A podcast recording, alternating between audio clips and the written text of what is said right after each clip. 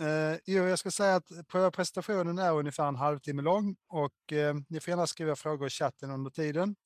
Eh, är det bra frågor så läser vi upp dem högt på slutet och eh, besvarar så att alla hör dem.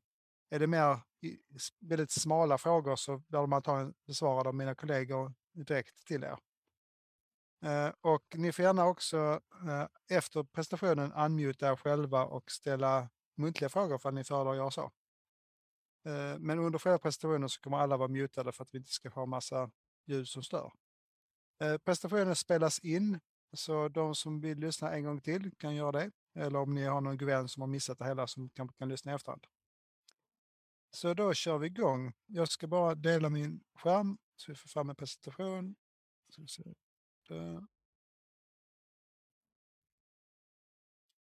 Eh, ser alla detta nu? Välkomna till Polynom Investment. Perfekt. Eh, vi är ett annorlunda investmentbolag med långsiktigt fokus och ägande som är lönsamt och lärorikt för våra ägare. Eh, och eh, här är lite först brasklapp med ansvarsbegränsning och så. Ni känner till det här med att alla investeringar sker på egen risk. Det är lagstiftning som reglerar sånt här. En sån här presentation eller webbinarium kan liksom inte ni använda som enda källa till att ta ett investeringsbeslut. Ni bör läsa prospektet som är godkänt av Finansinspektionen och så vidare. Eh, ni har hört detta förr så jag kommer inte tråka ut med alla detaljerna. Eh, så vi går vidare. Eh, introduktion. Vi är ett internationellt investmentbolag. Det innebär att vi investerar både i Sverige och lite grann i våra grannländer. Danmark, Norge och Finland närmare bestämt. Vi har till och med gjort någon enstaka investering i Spanien och i USA faktiskt. Ehm, vi investerar främst i tillväxtbolag och eh, vi är långsiktiga. Så att vi håller inte på och flippar saker, att vi köper ena veckan och sen ser vi veckan därpå eller eh, eh, tre månader senare. Utan vi, vi, tenderar, vi lägger mycket tid och energi på att hitta bra bolag och sen växer vi med bolagen och så länge bolagen sköter sig bra så ser vi ingen anledning till att, att sälja utan vi kan ha ett, ett innehav i tre, fyra, fem år så länge det utvecklas åt rätt håll. Om det däremot skulle börja utvecklas åt fel håll, ja, då finns det såklart anledning att ompröva vårt tidigare beslut och, och kanske avveckla innehavet och frigöra pengar och gå in i någonting bättre. Eh, vi har ett officiellt mål om att kunna avkasta 15 procent per år i snitt. Detta är alltså ett snitt över en tioårsperiod. Eh, och vi har klarat det väldigt bra hittills, vi kommer prata mer om det sen. Eh, och varför då Polynom? Ja, vi demokratiserar tillgången till bra investeringar. Vi har många olika typer av bolag och branscher. Eh, och vi kan då i vår portfölj uppnå bättre riskspridning än vad man som enskild person har råd att genomföra på egen hand. Vi har i dagsläget drygt 100 innehav i vår portfölj. Eh, och eh, onoterade investeringar, ungefär halva vår portfölj är börsnoterad och den andra halvan är onoterad. Och onoterade investeringar de påverkas betydligt mindre av svängningar på börsen än vad ja, vanliga aktier gör. Eh, vi ordnar också regelbundet mycket digitala fysiska delägarträffar och olika former av events och studiebesök till våra investeringar och sådär som är uppskattat av våra delägare. Lite grann kort om vår historik.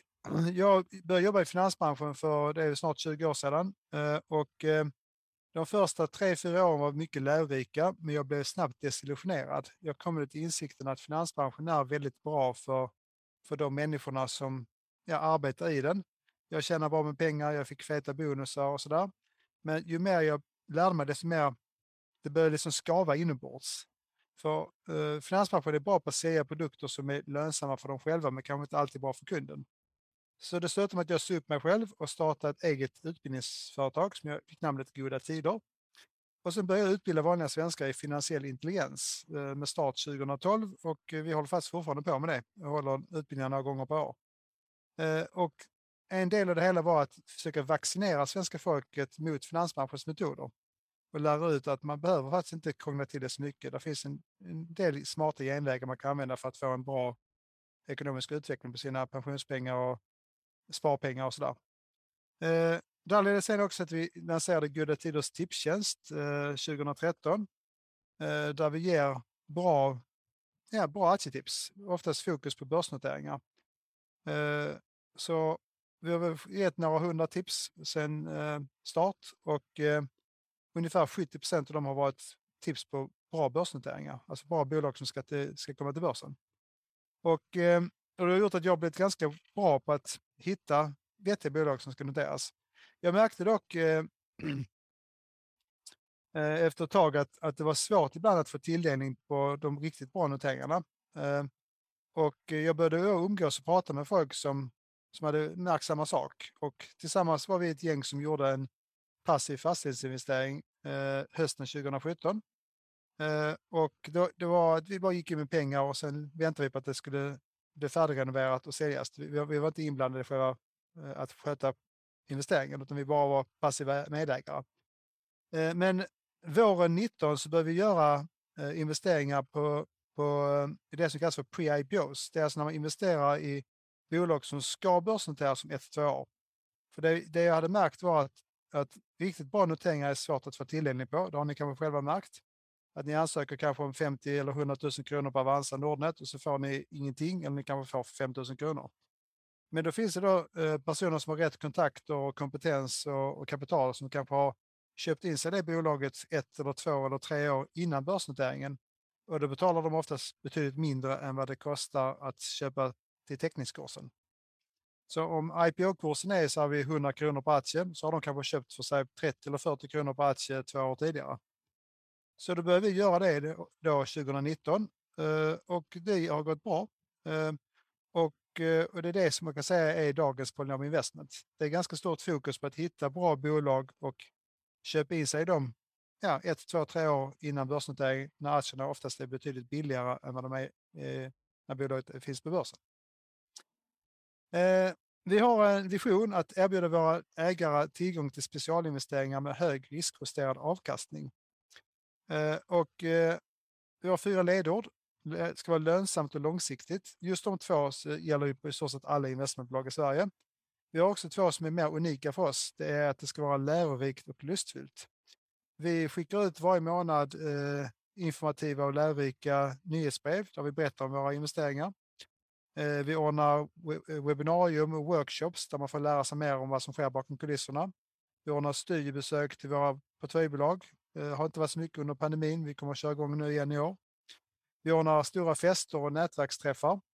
Det är ett förflutet från att flera av oss var väldigt aktiva i studentvärlden när vi var yngre. Vi saknar det att man kan ha stora roliga fester. Jag hoppas att ni som är vuxna i det här mötet också kan ha saknat det ibland. Och det här är uppskattat av våra delägare, att kunna få chans att vara med på sånt. Allt är dock frivilligt som ni förstår. Det, finns ingen som, det är inget tvång att man måste engagera sig i alla de här träffarna för att kunna vara delägare på NOM. Så det är kanske, ingen aning, 20, 30, 40 procent av våra delägare som regelbundet engagerar sig. Och så har vi nu säkert mer än hälften som är relativt passiva. Eh, på Polynoms nätverk. Vi kartlägger de delägare som vill ha sin kompetens eh, offentlig i vår databas. Eller kanske inte offentlig är fel ord att säga, men eh, vi försöker hjälpa våra portföljbolag att utvecklas och då kan det ibland hända att de säger så här, okej, okay, vi har kört fast här nu, vi behöver någon expert på plast som har ingångar i Tyskland. Ja, då kan vi söka vår databas, så är det kanske en eller två av våra delägare som, som jobbar med plast och som kanske känner till någonting om Tyskland. Då kan vi koppla samman dem med, med vårt portföljbolag och så kanske de kan hjälpa varandra. Eh, det här är dock frivilligt, det är ingenting som vi tvingar eh, investerare att, att vara med på. Eh, det kan också vara att man kanske behöver stärka en styrelsekompetens, man behöver tillsätta en ny, eh, en ny chef eller ja, vad som helst. Då är det bra att veta vem av våra delägare som har rätt kunskap. Eh, och det här gör att vi kan hjälpa och utveckla våra portföljbolag och det vinner vi i förlängningen på för då kan våra portföljbolag snabbare utvecklas och kanske bli mer värdefulla inför en framtida börsnotering. Eh, och vi har också tillgång till, alltså är man medlem i Polynom så kan man också ibland få tillgång till att göra spännande specialinvesteringar. Så istället för att då investera i Polynom eller ha alla sina pengar i Polynom så får man ibland chansen att investera direkt i mycket väl valda bolag som har extra bra potential. Så vi har en eh, fem, sex sådana specialbolag igång som, som satelliter till, till Polynom som då kan man säga som moderskeppet. Eh, och på våra regelbundna delägarträffar så får man också möjlighet att nätverka med andra delägare. Så det uppmuntrar vi genom att alla har namnbrickor där det står vad de heter och ja, vad de är bra på, vad de tycker om att prata om och sådär. Så det brukar vara väldigt roliga tillställningar som är uppskattade. Eh, vi som jobbar här, det, det, är jag och Niklas som har dragit igång den här eh, ja, verksamheten. Eh, jag har 20 års erfarenhet av att eh, ja, invester- eh, ja, jobba i finansbranschen och hålla utbildningar i finansiell intelligens och göra eh, analyser. Jag har kanske skrivit, ingen aning, 300-400 aktieanalyser. Eh, vi har Mats Lind som är vår investeringschef. Han har varit 25 år på Wall Street i New York och i City London. Jobbat för de flesta stora banker eh, med fokus på aktieinvesteringar. Och eh, så har vi Albin Wärlund, eh, en eh, eh, ung men mycket smart ekonom som vi har headhuntat från en, en firma i finansbranschen. Han är utbildad i Lund och han är, ja, han är ganska ung men han har lyckats skaffa sig imponerande mängd kunskap eh, genom att han helt enkelt satt igång med sånt här i sina tonår. Eh, läsa böcker om investeringar och, och nörda ner sig på allting som har match att göra. Eh, så har vi Kristina Jeppsson, eh, en mycket erfaren vd-assistent. Hon har eh, hållit många chefer i örat på tidigare företag. Och här på Polynom så håller hon mig i örat och hjälper mig att hålla ordning på saker och ting. Och vi har Caspian Almerud som är delägaransvarig. Han är ansvarig för kommunikation med delägarna och göra utskick och även lite IT-ansvarig. Och så har vi Vanessa Wetten som är administratör. Hon hjälper till med våra sidobolag, eh, SPV-erna, hjälper till med intern administration och lite allt möjligt. Och som ni förstår, vi, vi är sex personer som håller det här skeppet flytande. Eh, I praktiken jobbar vi allihopa med allt möjligt som kanske inte syns i den officiella beskrivningen. För så är det i små bolag, man får hjälpa till där det behövs helt enkelt. Vi har också eh, mycket bra kontakter med några av Sveriges bästa professionella investerare. Så vi bollar oftast intressanta investeringar med dem. Ibland hittar vi ett intressant case som vi drar med några eh, experter i Göteborg eller Stockholm. Och en annan gång så är det någon av våra kontakter i Köpenhamn som hittat ett spännande bolag som då vill testa på oss. Så det är lite grann så att man ger och tar. Eh, och eh, det händer också ofta att vi, att vi investerar tillsammans. Att vi kanske går, går till bolag och säger okej, okay, vi kan hjälpa er med nästa runda. Vi, vi förstår att ni behöver 25 miljoner. Visst, Polynom tar 5 miljoner och så är det några av våra kontakter i Stockholm som tar 5. Ja, ni fattar. Att man delar på risken och möjligheten. Eh, tidslinje. Ja, Polynom grundades 2017. Vi gjorde 33 nya investeringar 2019, 60 stycken 2020, 50 stycken 2021. Eh, då vid årsskiftet hade vår portfölj vuxit till 417 miljoner och vi var 950 delägare, alltså nästan 1000 delägare.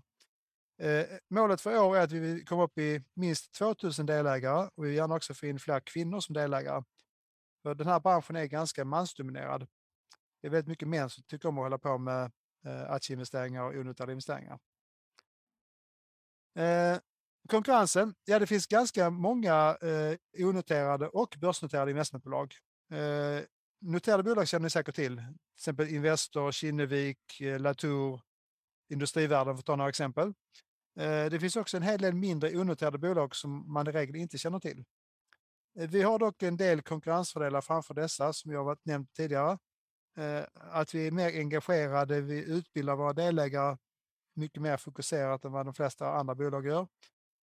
Och vi ordnar ja, roliga fester helt enkelt. För ärligt talat, när hörde ni senast talas om att ett investmentbolag på börsen i Stockholm bjöd in alla sina delägare till en stor fest? Med liveband, stand-up comedy och, och disco och, och, och gourmetglass, ni fattar det som. Prisutdelning och sådär. Det händer inte så ofta. Så det är det också, eh, jag kallar arvet från eh, studentlivet i Lund som lyser igenom. Jag ska prata lite om risker. Det finns alltid höga risker med att investera i aktier. Och en, en mycket vanlig risk som man pratar om om man läser Finansinspektionen är att man ska alltid vara mycket försiktig med att investera i onoterade aktier. Eh, och där pratar Finansinspektionen om den så kallade höga illikviditetsrisken. När köper du en onoterad aktie så är du oftast lite grann inlåst. Det finns ingen fungerande handel. Du kan inte logga in på Avanza och Nordnet och sälja din aktie efter två veckor när du behöver pengar för att laga bilen som har gått sönder. Eh, och eh, därför tycker Finansförbundet att alla onoterade aktier ska betraktas som att ha mycket hög risk till följd av att de är svåra att handla med. Eh, och det är ju såklart en viss sanning i det. Dock är det så att eh, Polynom är väldigt populärt att vara med i, så vi har haft en stort sett konstant kö av folk som har velat komma in och bli delägare på Polynom de sista två åren. Och den kön har nästan aldrig varit under 100 personer. Eh, så en gång per kvartal så matchar vi faktiskt eh, Eh, folk, alltså det är alltid någon som vill sälja av någon anledning som jag förstår.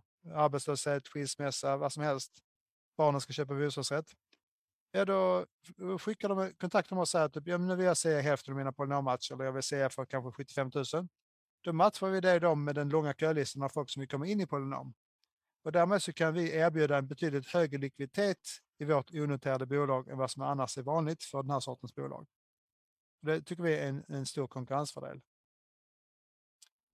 Eh, vad kostar det då att vara med?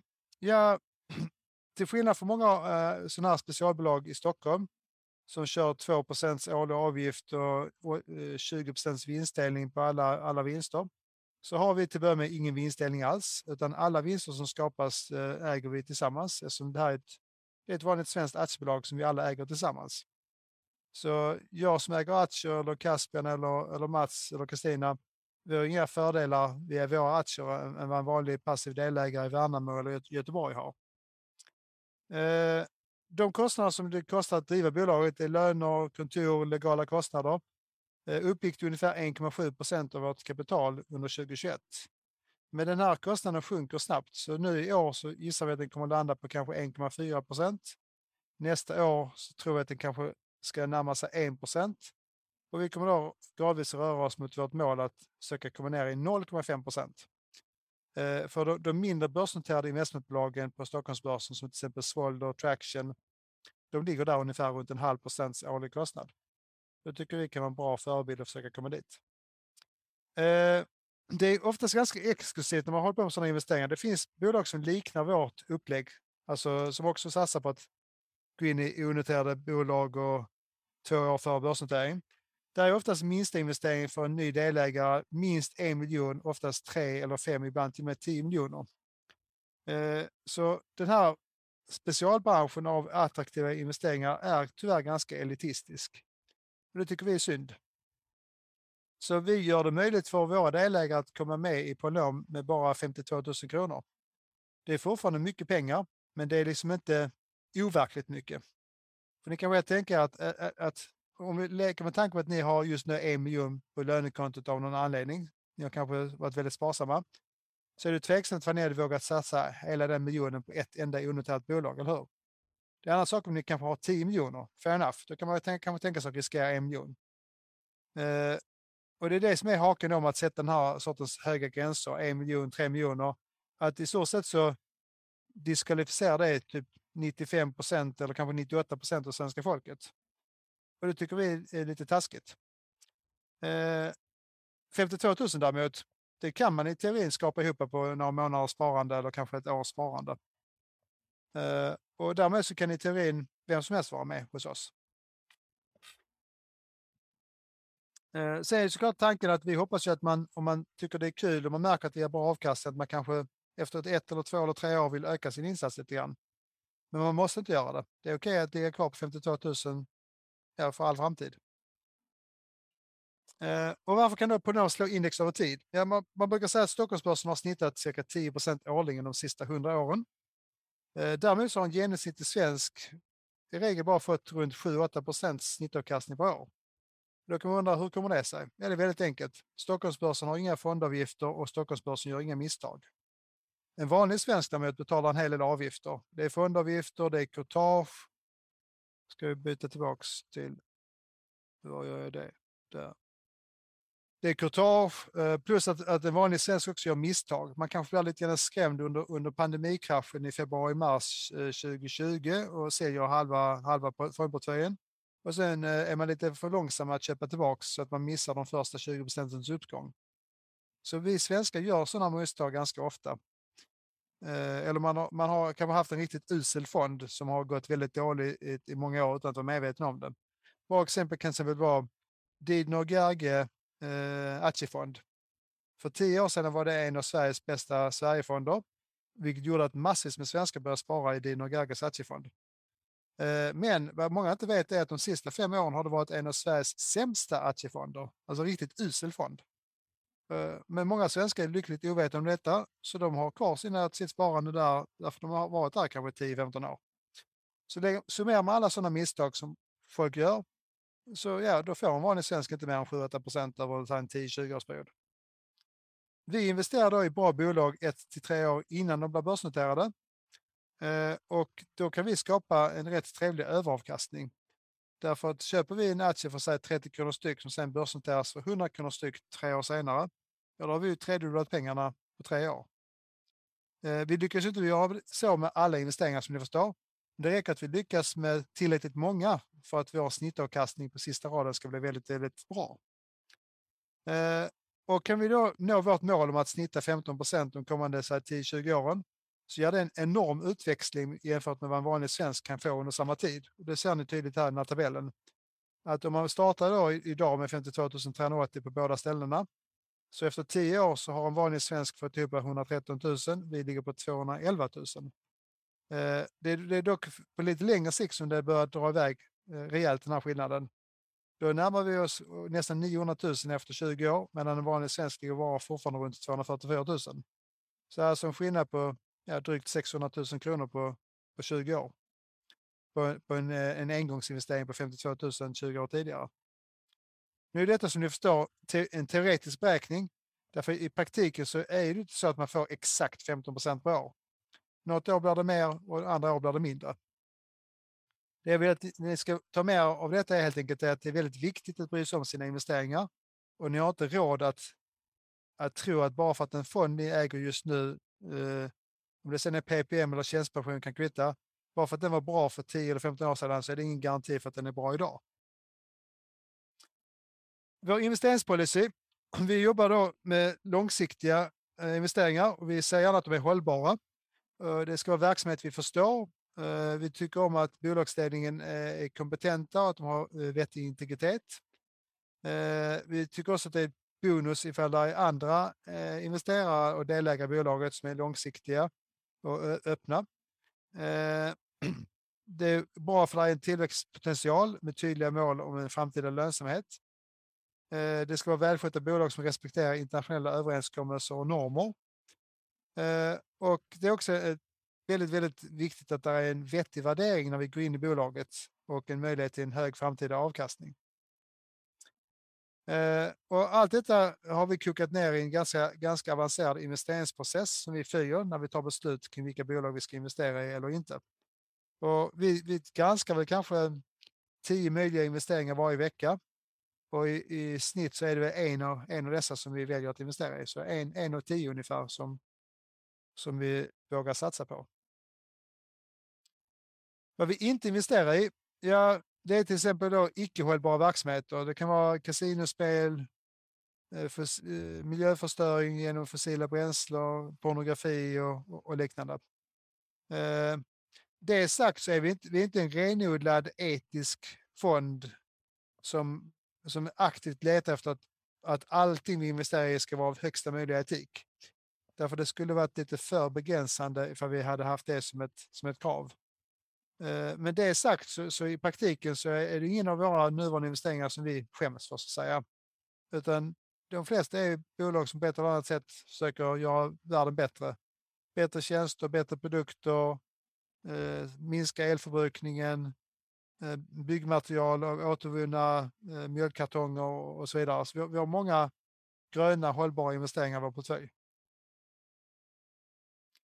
Eh, och eh, ska vi då nå eh, det här eh, målet som har satts upp eh, av, eh, i Paris och uppvärmningsmålet eh, med max 1,5 respektive max 2 grader så måste alla hjälpas åt. Eh, och kan man då hitta bra investeringar så bidrar vi också till att skapa arbetstillfällen.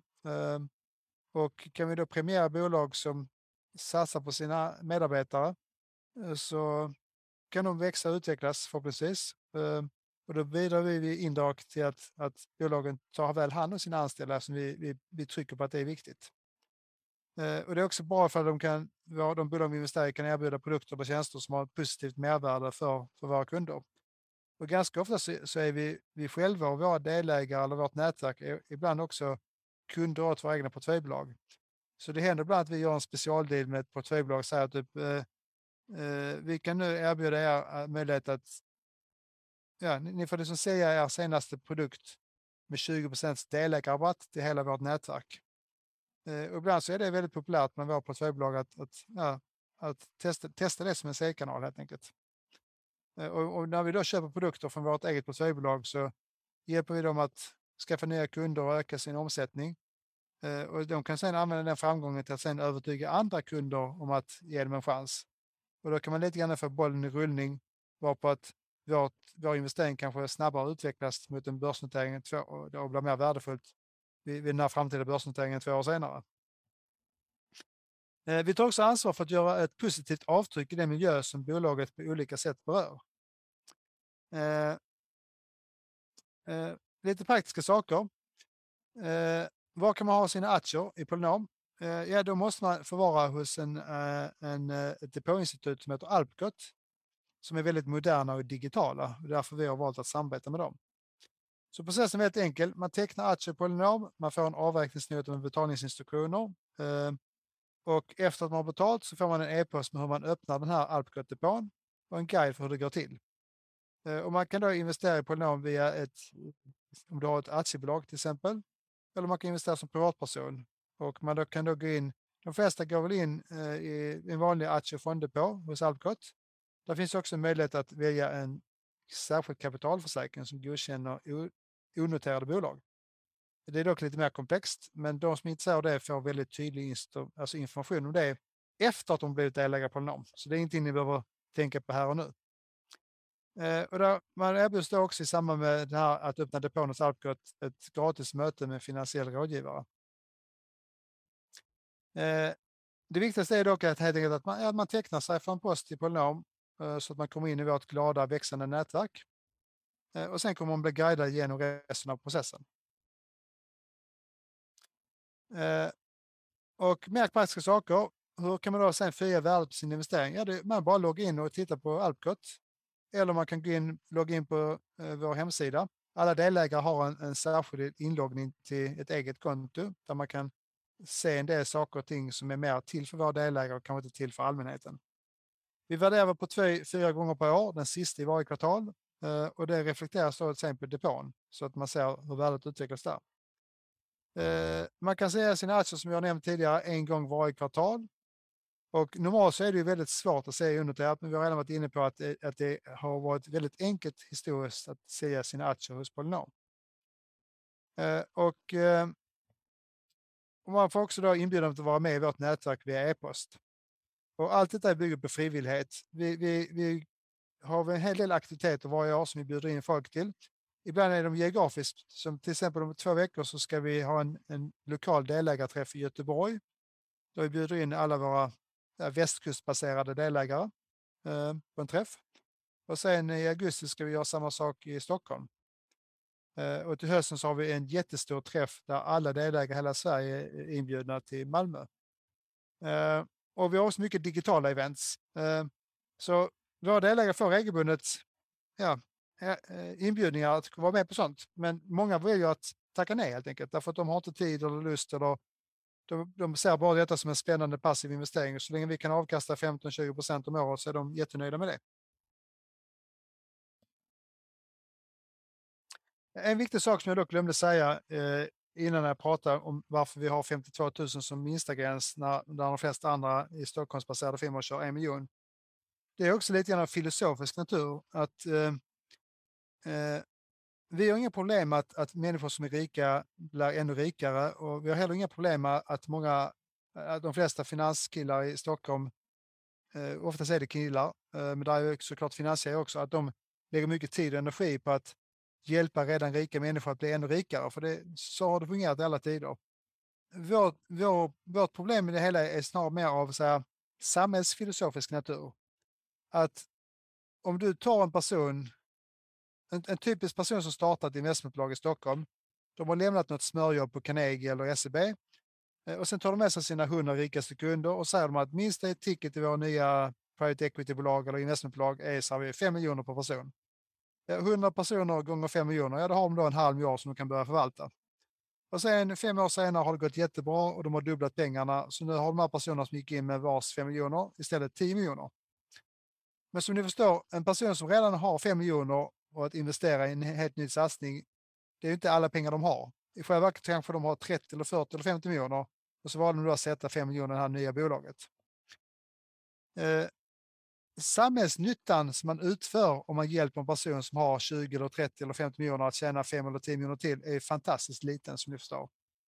Dylika personer har redan en Porsche och, och bostadsrätt på Östermalm och de har sommarhus i, på Rivieran och, och så vidare. Eh, så det ger inte någon jättestor impact för, för Sverige att hjälpa dem att bli ännu rikare. Om, om vi på Polynom istället kan hjälpa tusen vanliga svenskar som bara har råd att komma in med sig 50 000 kronor att få ihop sin första miljon eh, de kommande 10, 15, 20 åren. Då kan de här tusen svenskarna kanske ha råd att eh, jobba mindre, kanske gå ner och jobba 80 procent. Några av dem har råd att hjälpa sina barn att köpa sin första bostadsrätt. Några har kanske råd att starta ett eget företag. Eh, någon har kanske råd att ta ett sabbatsår och åka jorden runt och ja, förverkliga sig själv. Tusen personer som gör, gör dylika saker kommer ha mycket mer positiv impact på Sverige och sig själva och sina nära och kära än att vi skulle lägga vår tid och energi på att göra tio mångmiljonärer eller hundra mångmiljonärer i Stockholm än, ännu rikare. Så det, det är lite grann den så här, samhällsfilosofiska logiken som ligger bakom mycket av hur vi arbetar och hur vi tänker. Och jag hoppas att ni kan uppskatta det, även om ni kanske av olika anledningar inte har råd att, eller lust att bli delägare här och nu. Eh, ja, det var väl eh, hela dragningen med prestationen. Jag vet inte om jag klarar tiden. Jo, det gjorde jag väl hyfsat. Vi har varit på en halvtimme ungefär. Då är det dags för frågor. Eh, ska vi se här. Stopp. Bam, bam, bam, bam, bam. Syns jag i bild nu?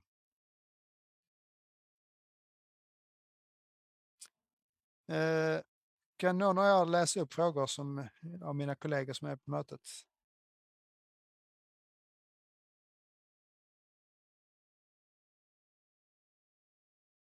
Jag hör med här Niklas. Eller Caspian, kör du. Kör Ja. Eh, jag har en fråga från Tobias som skriver värderingen av Polynoms aktier är som jag förstår det satt den 31 mars 2022. Är det samma nu med tanke på fortsatta börsnedgångar av i alla fall noterade bolag i portföljen? Det har faktiskt inte hänt jättemycket. Eh, vi värderar bara, eh, det har gått en dryg månad sedan vi satte den värderingen och jag skulle säga att de flesta av våra innehav är ungefär på samma nivå som, som de var då. Eh, och, och, nej, vi, vi, vi, vi, får inte justera, vi får bara göra värdering en gång per kvartal. Eller får och får, i teorin så hade vi kunnat göra det varje månad, men det är ett väldigt stort arbete bakom kulisserna när vi ska värdera alla, framförallt våra onoterade innehav. Så vi har inte interna resurser att göra det oftare än en gång per kvartal. Det, hoppas det kan räcka som svar. Ja, jag tar nästa fråga här. Eh, kan du, utveckla, eller kan du ehm, berätta lite mer om de största innehaven?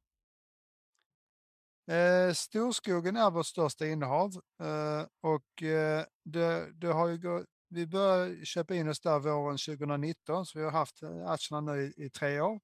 Det har varit en väldigt bra utveckling. Vi har väl eh, genomsnittligt anskaffningsvärde på aktier som ligger runt 11, 11 kronor ungefär. Eh, och idag eh, är aktien värd runt 20-21 kronor. Eh, så vi har ju fortfarande dubblat pengarna på den investeringen. Eh, det sagt så var faktiskt storskogen uppe och vände på 60 kronor eh, vid årsskiftet, så den har ju fallit väldigt kraftigt nu under Q1. Det beror dock ganska mycket på att, att marknaden har misstror ifall storskogen kan fortsätta växa så snabbt som de gjorde förra året. Ehm, eh, därför ska det bli spännande nu när de släpper sin första kvartalsrapport den 17 maj, om ungefär två veckor. De har de fortsatt köpa en massa välskötta lönsamma bolag under, under hela Q1. Så vi tror att de har potential att lämna en riktigt stark rapport till marknaden och då tror vi att aktien kanske kan börja stiga igen. Ehm, så vi, vi tror, vi hoppas att den ska kunna fortsätta storskogen leverera bra så ska de kunna komma upp till 40 kronor innan årets slut. Ehm, hoppas vi.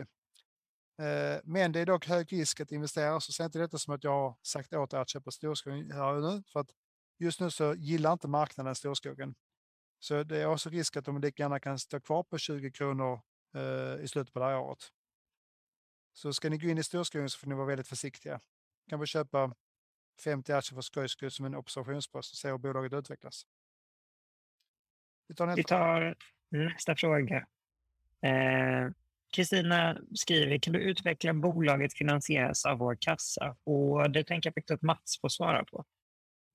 Ja, jag kan ta den. Ehm, det är ju så att vi är ingen fond, vi är ett investmentbolag och ett AB, så du köper in dig i ett bolag. Så det finns inga extra avgifter som du betalar in när vi gör en investering, utan eh, de, avgifter, alltså de kostnader som Polynon har tas från kassan. För om det inte finns eh, kontanter på våra konton så får vi helt enkelt sälja ett innehav eller be om pengar från er delägare. Då händer ju inte det som ni förstår, men eh, vi har ju en plan, en budget för hela året och det är därför vi vet ungefär vad vi eh, planerar att komma in eh, på den totala kostnaden i relation till förvaltat kapital. Eh, tillägg där är att vi har en ambition att hålla kostnaden nere och sänka dem över tid. Eh, vi, vi tycker 1,7 procent är för högt och vi jobbar ständigt med att få ner kostnaderna samtidigt som vi jobbar med att ta in kapital. Eh, vi kan också nämna där i kanske Eh, en vanlig fråga som vi brukar få är ehm, blir det inte en stor utspädningseffekt när man tar in så mycket kapital och, och ger ut så mycket aktier? Och då är, är svaret så här att eh, ja, det blir det, men det beror på lite grann för vi har ingen utdelning just nu och eh, vi sätter varje krona som vi tar in i nya investeringar. Så det går liksom positivt till de gamla delägarna och de nya delägarna. Eh, vid någon tidpunkt när ni delägare väljer så kommer vi kanske ha en utdelning, men det har vi inte idag. Eh, och här är också ett viktigt tillägg. Det vanliga i finansbranschen, nästan alla aktörer i finansbranschen gillar att köra som ni vet årliga fondavgifter och förvaltningsavgifter och liknande som oftast ligger runt 1,5 eller 2 procent. Eh, när de, när de sen eh, ökar sitt kapital, alltså när fonden blir större och större, så sänker de ju inte avgiften frivilligt, utan då, då bara skrattar de hela vägen till banken. Så om, om en fond har så har vi 100 miljoner i tillgångar som exempel, ja, då motsvarar då en, en fondavgift på 1,5 procent att, att fonden får in 1,5 miljoner varje år.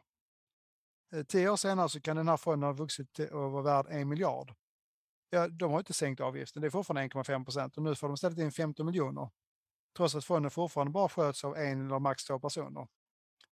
Eh, och det kostar ju inte, som det står, 15 miljoner kronor att eh, ha en eller två personer anställda, även för de har bra lön. Så då blir det en ganska fet vinst som då banken stoppar i sin egen ficka eller vem det nu är som äger fonden. Eh, investmentbolag jobbar på ett annorlunda sätt. Det, vi, vi är, det är våra delägare som äger, äger vårt bolag tillsammans. Så i takt med att vi blir större och större Eh, när det gäller hur mycket pengar vi förvaltar så kommer vår avgift sjunka stadigt. Och där, därmed så är det, det är en stor fördel med att vara en långsiktig delägare i ett investmentbolag jämfört med att vara en långsiktig delägare i en vanlig aktiefond. Så nästa fråga. Gustav frågar här, jag vet att Mats har svarat på det i chatten, men jag tänker att det är en relevant fråga för alla att höra. Eh, finns det avgifter kopplade till depån?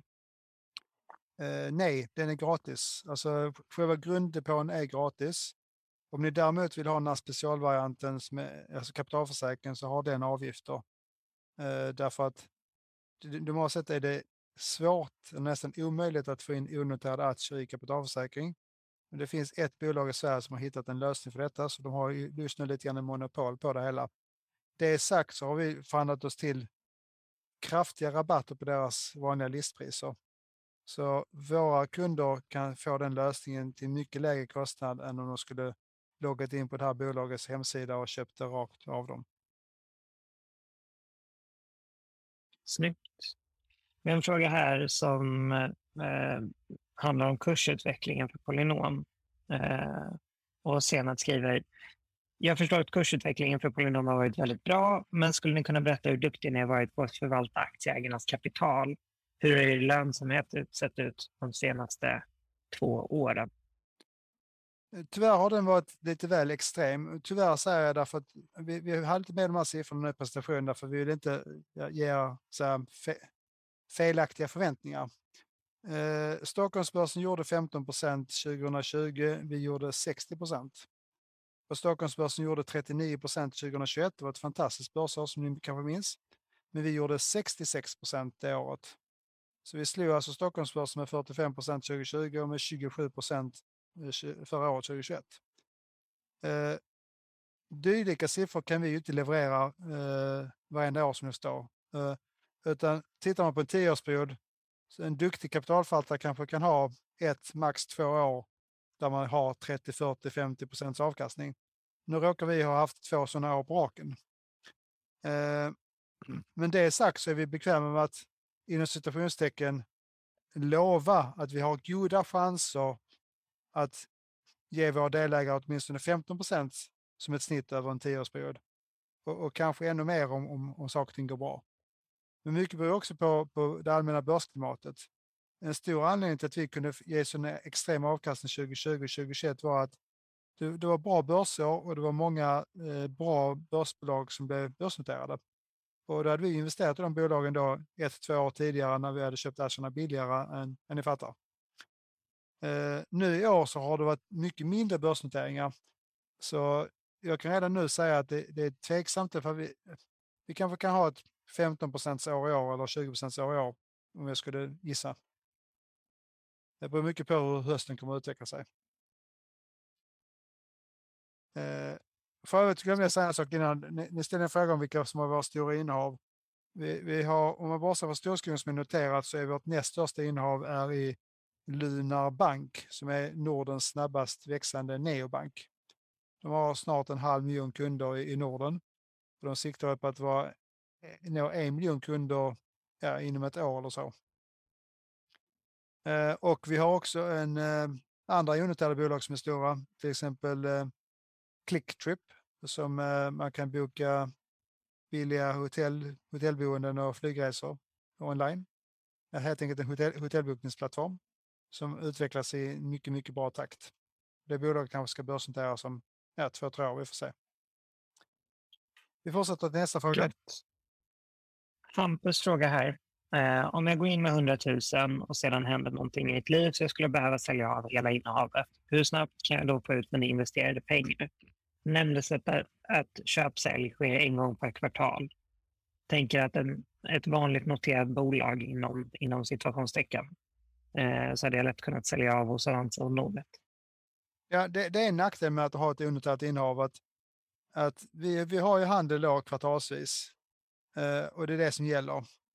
Eh, och eh, jag menar, i teorin om det skulle vara så här någon legendarisk episk livskris, skilsmässa, misär, elände, så, så kanske vi kan hjälpa en person att komma ur lite snabbare. Men, då får de i stort sett dokumentera att, att det verkligen är den sortens livskris. För det skapar väldigt mycket merarbete åt oss att, att frångå våra vanliga rutiner och hjälpa en person att komma ut tidigare. Så att säga.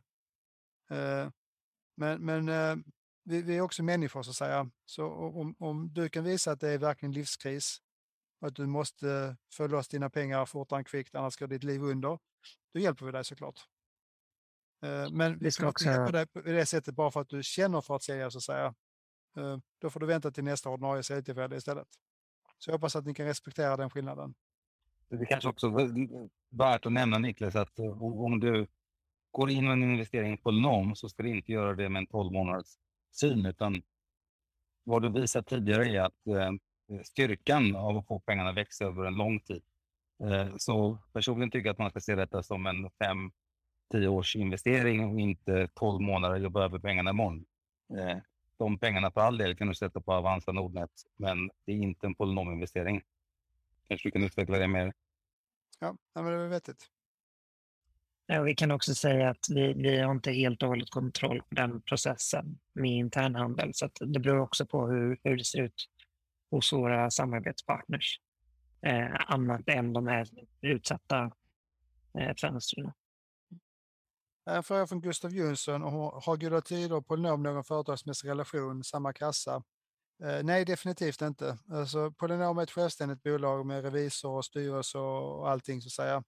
Eh, vi har Grant Thornton som är väldigt nitiska med att granska varenda utgift vi har och varenda kvitto vi, vi, vi producerar.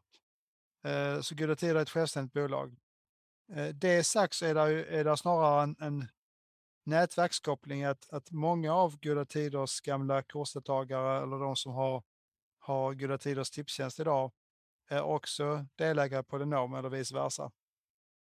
Eh, och det händer ibland att, att eh, Goda Tider skriver en, eh, säga, en analys på ett bolag som ska börsnoteras. Det gjorde vi så sent som igår.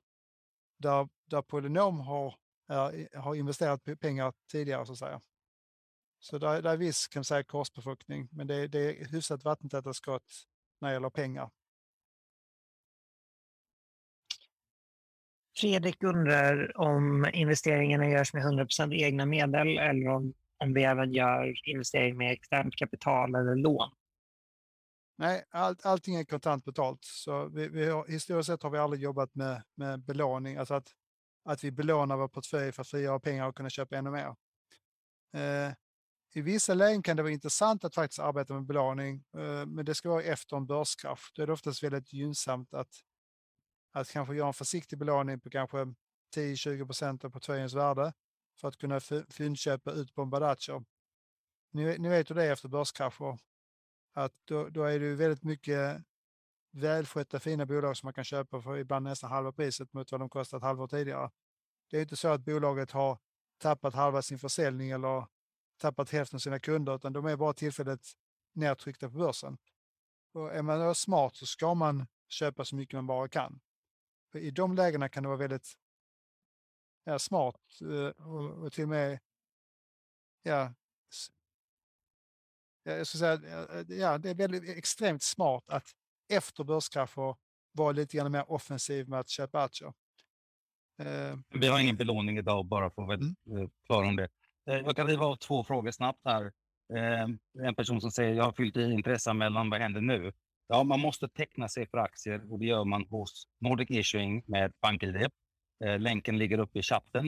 Eh, det är väldigt viktigt att du tecknar dig och sen kommer du få avräkna, avräkningsnota och vi kommer hålla dig i handen när du öppnar depåer och så vidare efter den processen.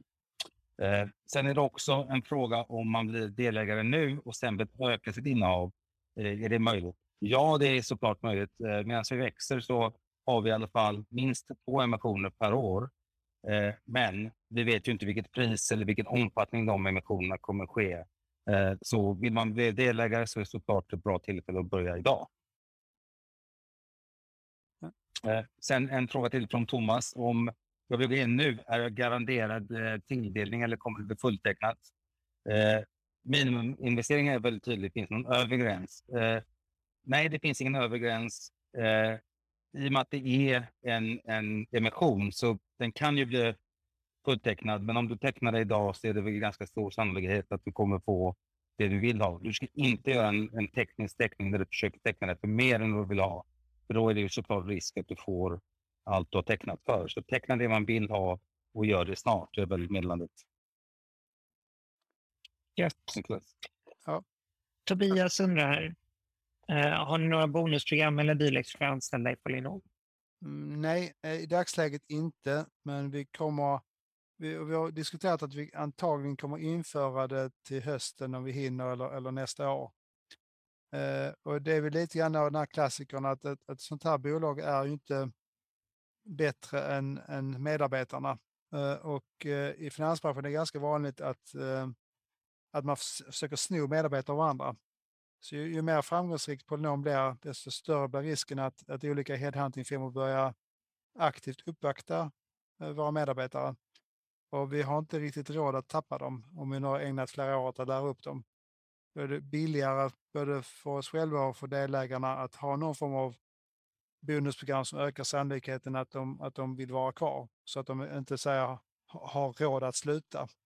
Och, och den sortens program har oftast två eller tre års löptid.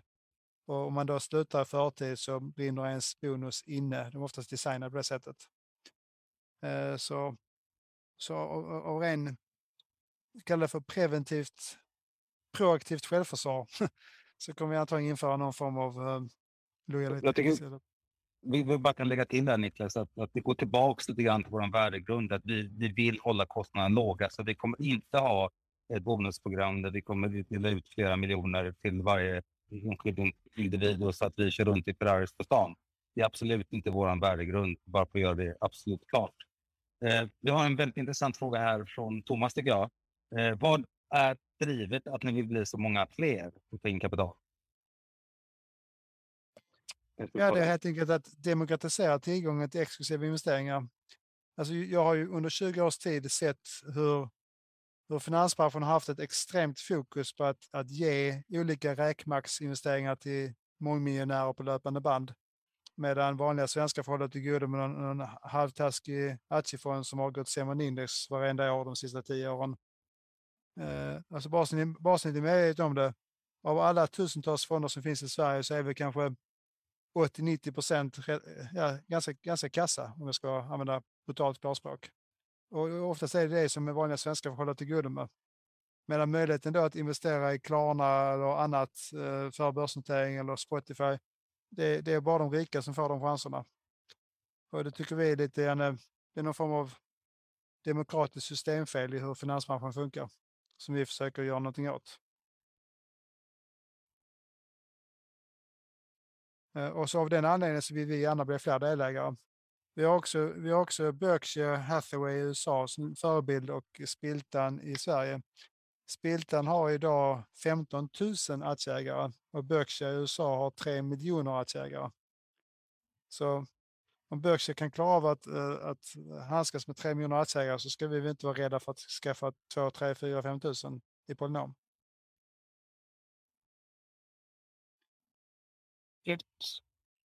Vi har inga fler frågor just nu.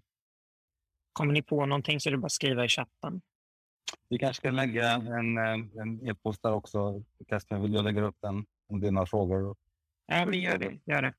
Ja. Skulle ni ha några frågor i efterhand så är det delagare polynominvest.se. Eh, Mats kommer skriva den här. Det kommer en fråga här från Marcus Stenemo. Finns det nyckeltal för att kunna värdera och jämföra polynom med liknande bolag?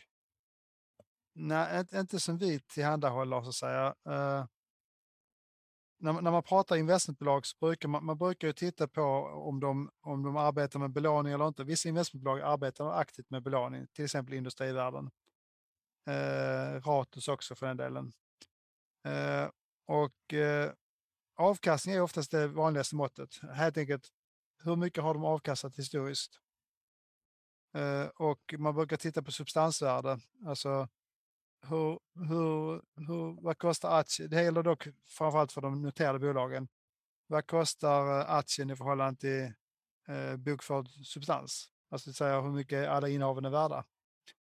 Och där, där finns väl en del eh, börsnoterade investmentbolag där, som idag handlas med premium. Så att om de har tillgångar som är värda så vid 100 kronor per aktie så kanske aktien kostar 120 kronor att köpa hos Avanza.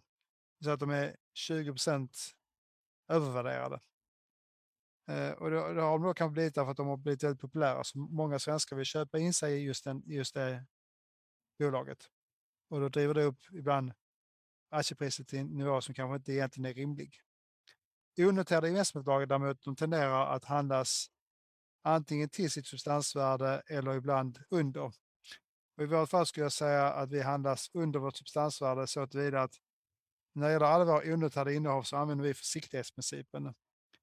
Eh, och vad den säger kortfattat är att har vi köpt ett, ett bolag för så vi 5 miljoner kronor eh, för två år sedan eh, så kan bolaget utvecklas och gjort en hel del framsteg sedan dess.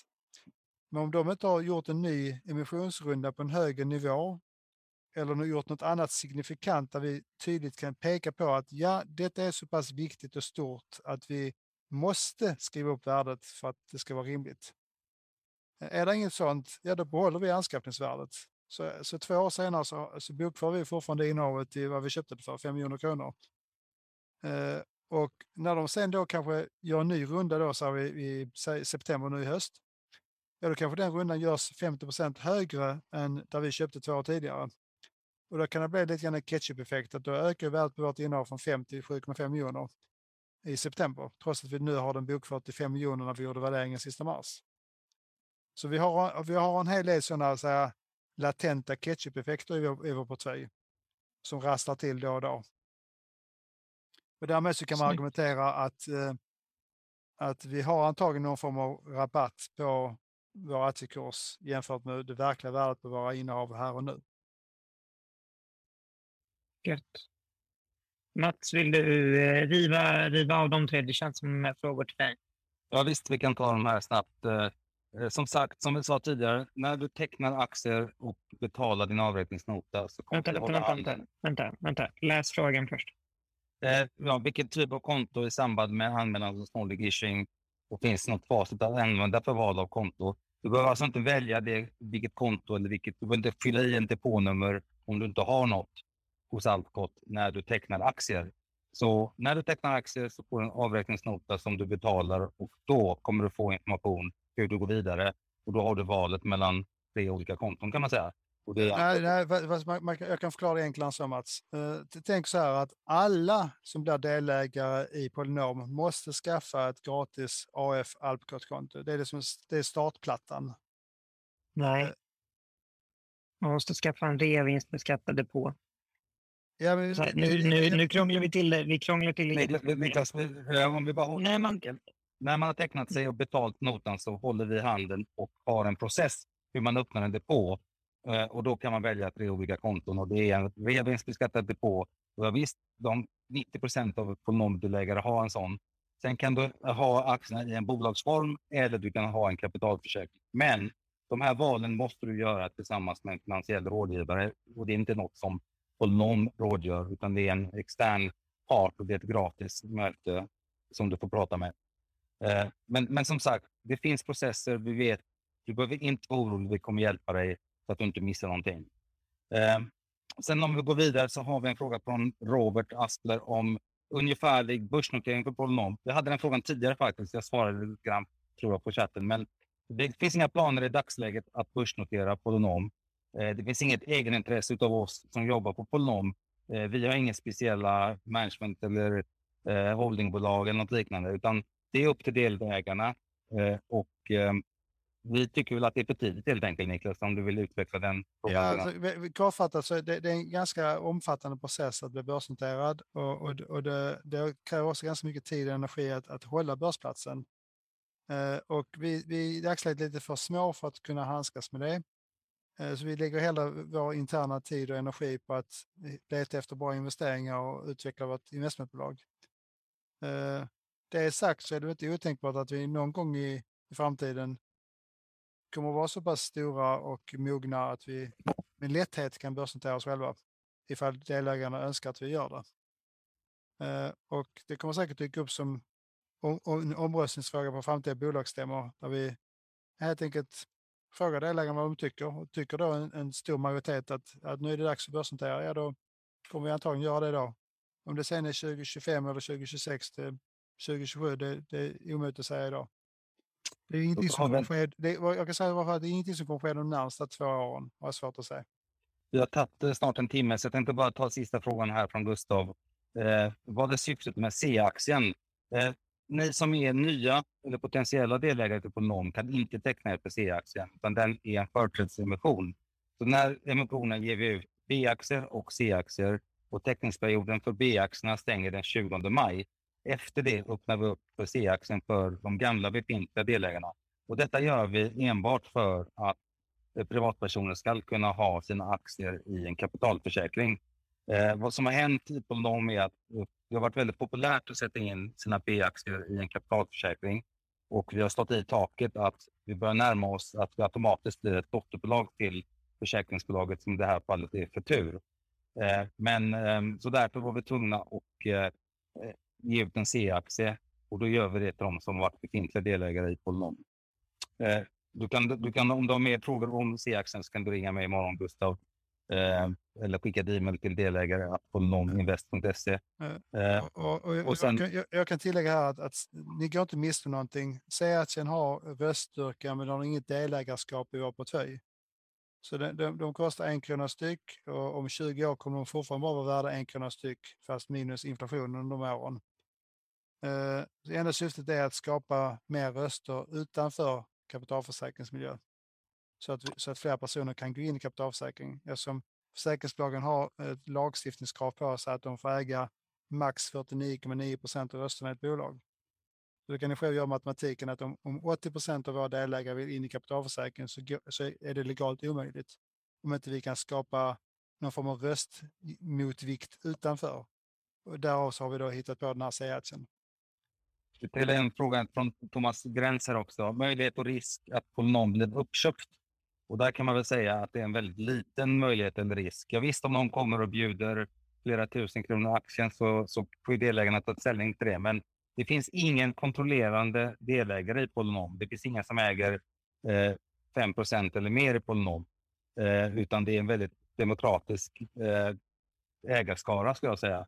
Eh, så därför som någon som skulle vilja köpa upp Polynom så måste de ge ett erbjudande till alla delägare. Detsamma. samma. Jag vet inte om du vill lägga till ett par ord där Niklas? Nej, det, räcker. Gött. Då har vi hållit på en timme eh, och vi har inga fler frågor. Som sagt, skulle det dyka upp någonting, skulle, det, skulle ni liksom eh, vakna mitt i natten och komma på att det här borde jag ha frågat så, så är det bara att skicka e-post. En sista sak jag vill säga dock, om ni tyckte detta var intressant och lärorikt, vare sig ni vill bli delägare eller inte, så kommer vi hålla eh, flera sådana här eh, träffar eh, kommande veckan. Eh, måndag lunch, eh, onsdag kväll nästa vecka, samma tid 20.30 och söndag kväll den 15 maj också 20.30. Så om om ni har någon vän eller syskon eller vem som helst som ni tycker ska lyssna, så bara skicka dem till vår hemsida så de kan anmäla sig så skickar vi sen ut länkar till de här tre kommande träffarna. Då säger vi tack för ikväll.